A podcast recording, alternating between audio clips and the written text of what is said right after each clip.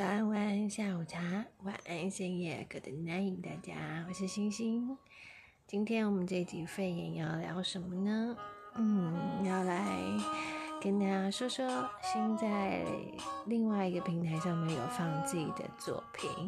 星星在 Street Voice 接生上面有放自己的嗯创作，之前跟别人的合作单曲，还有一些 cover songs。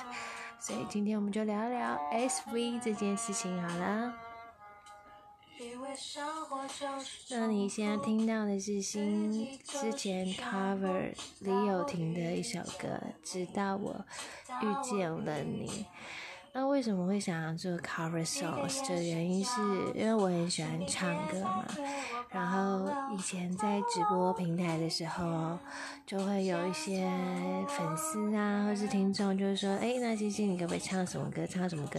或是有时候我就会看当天的心情，哼哼唱唱这样。那就是一个很简单的契机，就有人说，啊，你每一次都唱。直播的时候唱啊，然后或者是，嗯，有时候语音就录一段一段这样。那为什么不把它变成一整首的翻唱，或是录一整首歌呢？后来我才想说，诶，对呀，因为大家都有在做翻唱。呃，歌曲，嗯，可能他们都是放在 YouTube 上面吧。那我就想说，好，那我自己来练习看看，录录看我的 cover songs。虽然放在 Street Voice 上面平台并没有很多首，可是就是一种一种练习加，可能没有非常的专业，但是就是也是。嗯，一种一种练习的过程这样，然后还有放我的创作，就是完全是自己写的歌这样子，还有跟别人合作的单曲，所以嗯，在音乐上面心也是。呃，自学吧，我觉得就是像上一集讲到创作这件事情，那我是真的是实际有在做这样的事情，虽然真的不是很厉害，呃，我我还是很希望可以鼓励到我的听众粉丝朋友，勇敢去做挑战。去创作，去记录自己的生活，所以今天就想要跟大家介绍一下 Street Voice 这个平台。那 Street Voice 这个平台上面有非常非常多不同的独立音乐人，当然线上的艺术家、线上的歌手也都会在这边发布，所以。你其实可以下载 Street Voice 的呃手机的 App 或者是电脑网页，然后去登录变成会员之后，就可以发现很多很多很多很多很多好听的声音。那嗯，大家现在都比较嗯喜欢是用单曲单曲发布的方式，像以往可能在台湾来说会是专辑专辑，但是现在比较。多是就是单曲单曲，然后这样一首一首一首给大家听，所以我觉得现在收听跟乐听的那个那个那个习惯不一样了。那嗯，管道平台也非常的多，所以我觉得这个也是嗯很值得大家大家嗯来听听看，或是来玩玩看的。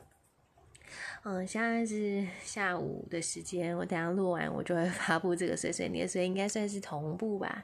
嗯，今天让你们跟到一个同步的碎碎，就是废话废话系列。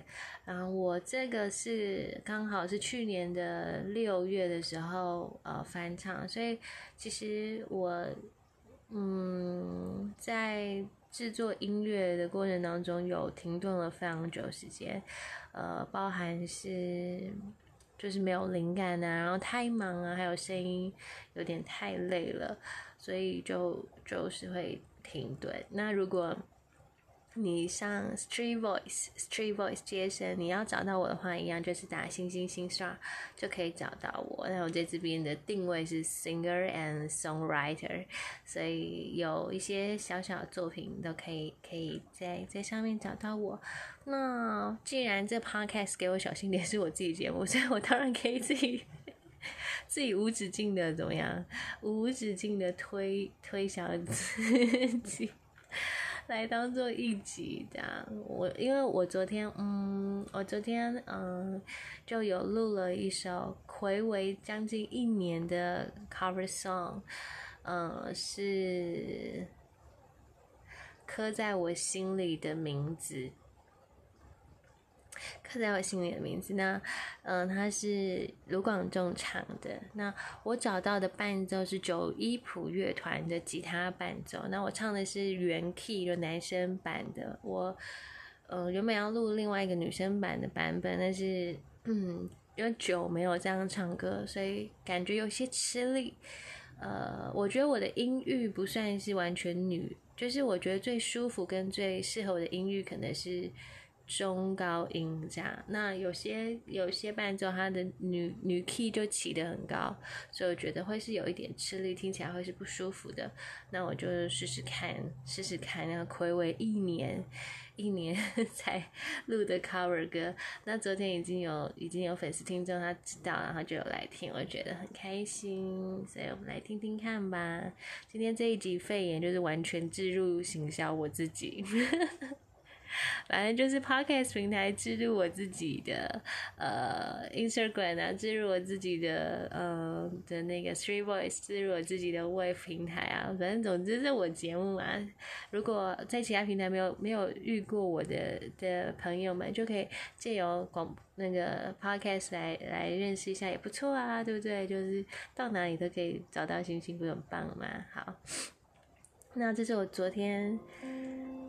昨天录的，然后因为就是自己一人工作室嘛，其实工作室就我我家，所以像是录音啊，嗯，后置编辑啊，或者是发布啊、上传，都是我自己一个人。那昨天有感而发，也在也在 IG 上面写了一段小小的话，就是觉得。这就是一个人的身体跟一个人脑袋完成的东西，也希望大家可以支持，然后有聆听成我的粉丝的话，我可能就会更幸福一点点。那说到录制跟呃后置，其实我嗯不太像那个专业的制作人一样，有非常多设备。或许以后我可能会。Upgrade upgrade 一下，但是现在我就是很简单，用很简单的方式，所以，嗯，音乐呈现出来的的声音就像是我直接唱歌的感觉。那有些人会觉得好，有些人会觉得嗯，太太过真实，但。就看做这件事情的动机是什么。像我做这件事的动机，就是因为喜欢，然后想记录下来，所以也不会特别强求说那个后置一定要修音啊，或是要怎么样，嗯，怎么样包装成更更华丽。我反而觉得就是用最纯粹的方式。呃，记录自己的的样子。不过可以听得出来，就是过了一年之后的呃录音，自己比较自然一点，就是在面对录制啊，在面对把声音记录下来这件事情变得更自然一点。我觉得这是一个新的发现。那个发现是，可能一年多前，我是为了某种目的而做的。那种目的感觉像是我一定得做些什么，好像那个时候的自己觉得我一定得做些什么，我一定把灵感抓下来怎么样？可是，一年过后的我在，嗯，开启我的录音模式的时候，我反而是希望很舒服的去唱歌，很舒服的去。去把我的情感记录下来，所以我觉得光听自己 cover 的呃歌曲，看那个时间轴就可以感受到这个人的改变。我觉得无论就技术方面是有没有真的进进步，我相信是有。可是就心态跟状态上是是真的进步了，更更坦然的接受。那我觉得这是一个很棒的、很棒的过程。然后我自己在听自己的声音的时候，其实，嗯，一开始是很抗拒听自己录音的声音，会觉得说天哪，呃，我平常讲话的时候，你们听到的是这个样子，就无论是唱歌也好，无论是 podcast 节目也好，无论是直播也好，我刚开始听自己的回放，任何的录音档，我都会。嗯，超级无敌别扭，就是就是很难听下去。不是说很难听，而是嗯，就是原来这就是我的声音，原来我就是这么的奶音、童音、娃娃音。然后，所以这也是一种突破。我觉得，如果大家也愿意的话，你就很简单拿着手机录音唱歌，然后听自己的声音，就会。有另外一种感受，所以我尽量翻唱都是找简单的，呃，伴奏，就吉他或是钢琴。嗯，应该这么讲。我觉得很可惜的一点是我小时候没有坚持学好我的音乐。我学钢琴学到学到一段时间就停了。我在想，如果我。小时候有坚持的话，我现在搞不好就是真的是自弹自唱的创作呃歌手也说不定，所以嗯，这只是有点遗憾。那你说长大也可以学啊，这就是我接下来的目标。可能我不会马上去做，我大概这个目标我就会放在心里面，再重拾对音乐的练习，不管是钢琴还是吉他，我觉得。这会是我想要做的。好，那下一个我有录的 cover 歌呢？嗯，我看看哦，那应该是我一开始录的吧。我今天先放 cover 歌给你们听，然后再放别的歌。好，呃，呼吸决定，这是这是我五月去年五月录的。那一首歌是 Fine 乐团，F I N E Fine 乐团。那我找的伴奏是七 T 吉他教室的伴奏。然后这首歌我是一个粉丝点播说，心里可不可以翻唱这首歌？然后我一听就爱上，因为我很喜欢他的歌词。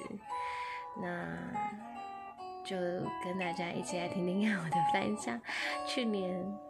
去年的五月的这个时候唱的，我想现在应该，嗯，会有很多不一样的感觉。爱怎么那么坏？才两天就深，说的好像真爱，我对你说。今天有没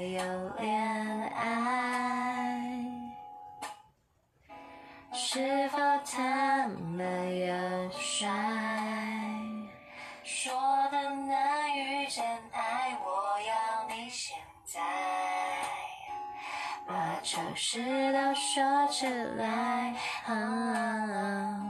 才能听你表白，听你说你是真的喜欢我，真的想谈恋爱了，那就让情绪决定，听呼吸频率，跟感觉旅行，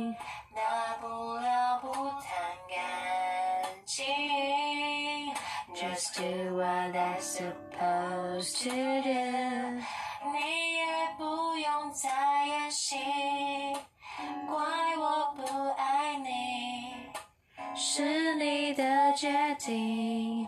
每句话在我心里，清清楚楚的说你想离去。这首歌是短短的，我觉得，呃。很喜欢这首歌，虽然我现在听起来很想要重录，但是应该是说，就是当时候想要翻唱这首歌的情感是投入在里面。那一年之后再重新听自己唱歌的的样子，我觉得像一定像大部分歌手一样，就是会觉得每一张专辑、每一首出过的歌、每一次的创作。过了呃，过了几年之后，再再回头来看，一定会觉得不那么完美，不那么好。可是其实那就是保留了当时所有的状态。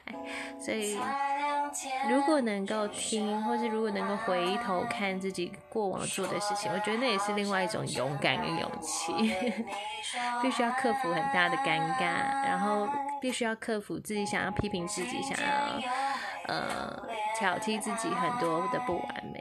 这样，所以这首歌也推荐给大家，就是新的 cover song 当中的《呼吸决定》，非常非常好听，大家可以去找这首歌呃的原唱幻乐团，然后听听看。好，那 S V 的嗯。呃，介绍我要跟大家讲的是，嗯，我自己的创作，我之前在在那个 podcast 节目前面也有介绍嘛，所以呢，我先把音乐暂停哈，就是我之前的那个创作曲，其实在我 podcast 节目。的前面几集都有介绍，如果你有兴趣的话，就可以去找前面几集的内容来听。那如果你想要去 Street Voice 上面听的话，就可以找到四首的创作曲，而且也都是去年创作的，这样呃 Little Little Star 啊，还有一点二十八分 Let Me Love You Tonight，还有嗯。想再听你说，还有迷，就是就是四首我自己的，就是真的是，嗯，自己写自己谱曲这样，然后找节奏，然后自己录制的创作曲。那我接下来再跟大家介绍一下，就是之前跟嗯嗯另外两位伙伴一起合作的单曲。嗯，大家也可以听听看，因为我比较没有公开的在哪里介绍。我觉得，呃，既然今天我们主题就是 SV 嘛，Street Voice 上，所以呃，之前发布过的单曲，大家也可以来听听看。那这个是我之前在直播平台认识的音乐好朋友。一个是 KTS，一个是 Brown Sugar，呃，我们就有合作两首歌，那可以给大家稍微听听看。如果你真的很喜欢的话，就赶快到 S S V 的平台上面多听几次了哈。那这个是应该是说我我第一次接触到写歌，所以对我来说，它是一个嗯。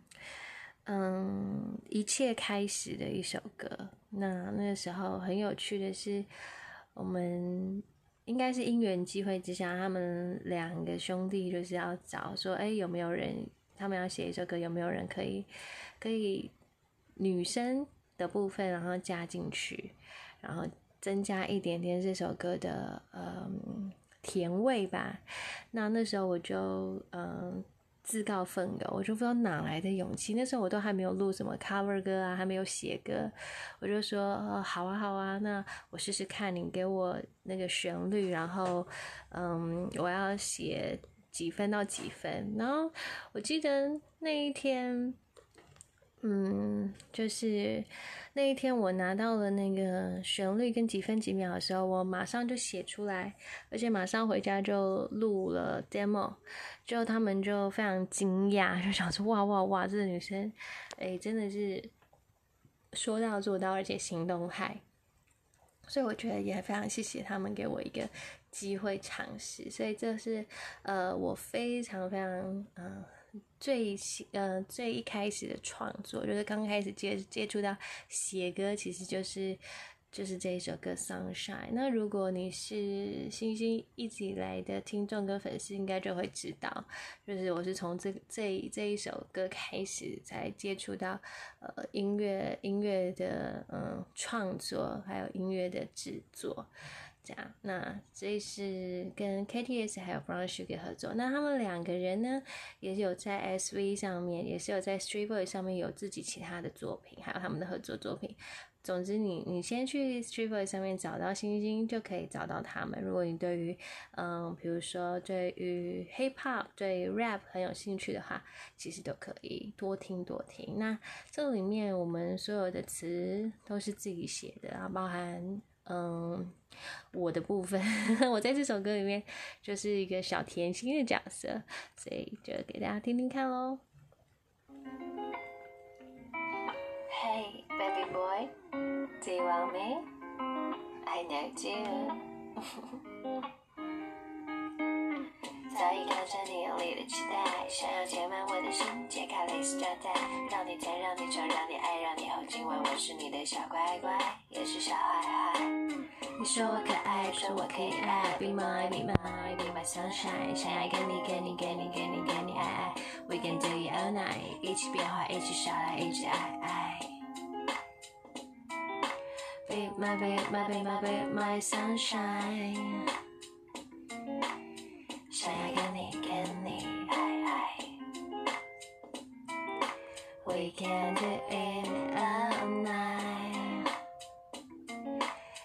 变化，一起耍，一起爱。所以这是我的一开始的创作，就是光是这个段落，我自己写自己唱，然后让这两位伙伴很很开心，觉得哇，有一个不一样的声音，不一样的元素这样。然后所以这首歌其实就是男女互相看对眼的的氛围，所以充满着粉红泡泡这样。到现在听起来，我还是觉得就是可以回到当初创作的那种氛围，然后三个人合作无间，然后一起在玩音乐的感觉。所以我觉得，嗯，有些时候真的就是因为很喜欢，所以去做，或者是 That's right，经过了一次的尝试，就发觉这条路很棒，它是一个。冒险，然后我真的很谢谢这首歌，嗯，让我知道玩音乐是这么的开心。然后虽然自己不是那么的伟大，可是就是这样摸索、实验性质下来，生活多了非常多不一样的可能。所以这也是我一直告诉我的听众粉丝，就是你真的想去做就去做吧，不要想太多，就像我一样，想开节目就开节目。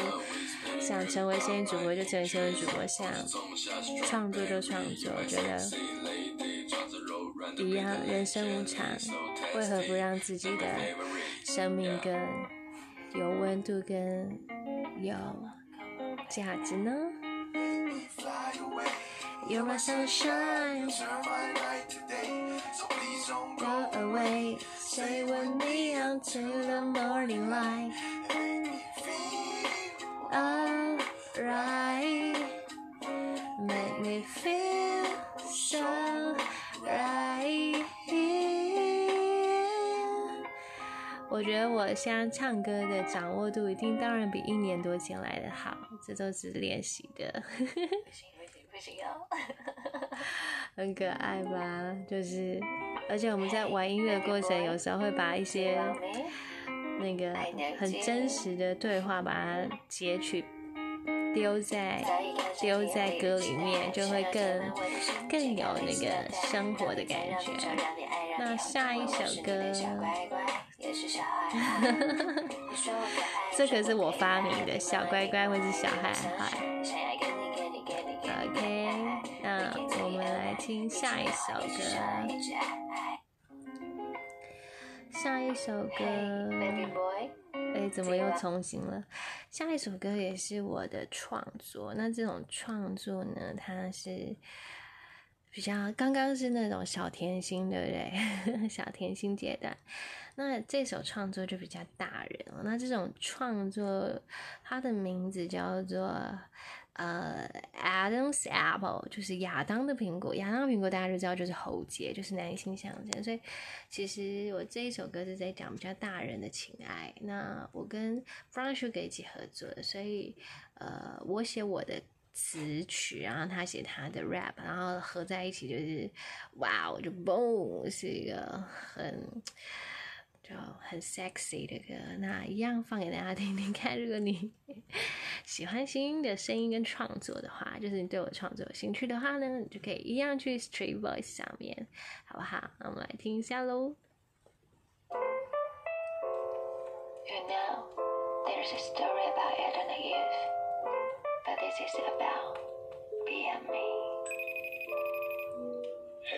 凌晨三点，电话响起，，What you doing？What you doing, baby? I said I'm waiting，等待一个未开启的秘密电影。你想要我，却不用说，身体上每一个毛细孔都能感受到你的震动。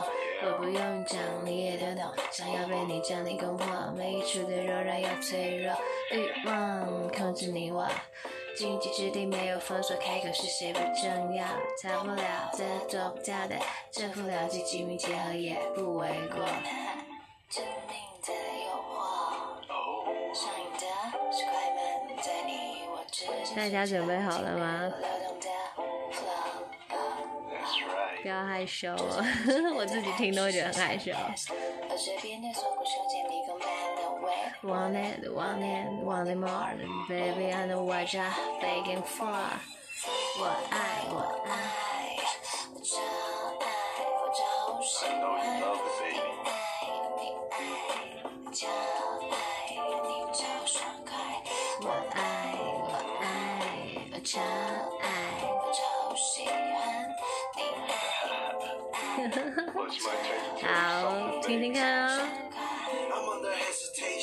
Cause I see the Eve in your eyes. You're driving me closer to temptation. You started out as an imagination, but now you're going deeper down the path of sexual exploration. Not to mention, one bite of your lips is like a journey to another dimension. Is this a sin or a blessing? The way you manipulate your touches on my body got me feeling like I'm in a state of paralyzation. While you bestow your domination on my body, your intentions is like Genghis Khan taking over the entire nation. Forcing my staff between your legs, urging for my ejaculation. The revelation of the story is for me to explode into you and increase the population. I'm like snake, greedy，钻进你身体，牙齿轻咬 your stick，缠绕药气靠近，跳的神经毒瘾麻痹，啊啊啊，enjoy。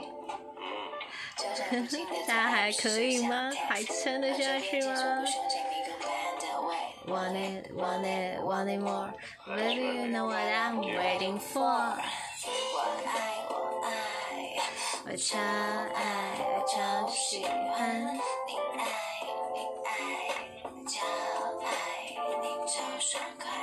我爱我爱，我超爱，我超喜欢。你爱。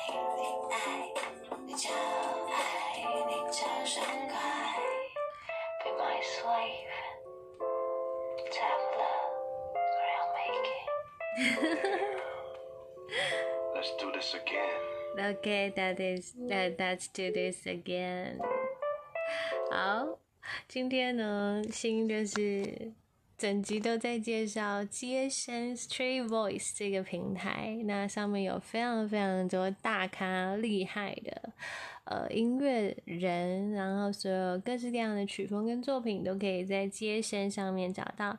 同样，你也可以找到星星的声音、跟新兴创作、跟新兴的 cover songs。那如果你很喜欢的话，就赶快去申请，嗯，你的呃账号嘛，然后就可以听非常非常多的音乐。然后也非常欢迎你可以支持我。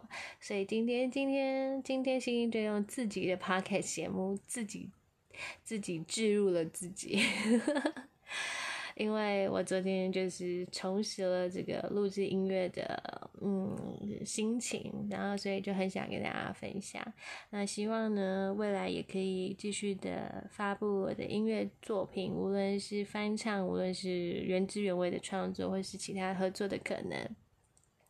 那如果你喜欢的话，也希望你可以追踪星星关注我，我的给我小心点节目，还有我的接生的账号新 star，然后还有，总之就是只要我出现的地方，出没的地出没出没的地方，出没的地方呢，你们都。随时的关注跟支持好吗？那我是星星，在下午的三点三十分，嗯，外面还是下着大雨，希望大家可以继续的好好在家居家防疫。那真的很真的真的真的很无聊烦闷的时候，就点开所有关于星星的一切。希望可以陪着你度过这个苦闷的日子，让我们继续小心点又开心点的活着，好吗？我是星星星星啊，你知道可以在哪里找到我？那我们下次见喽，拜拜！更好听吧？赶快去听，拜拜，拜拜。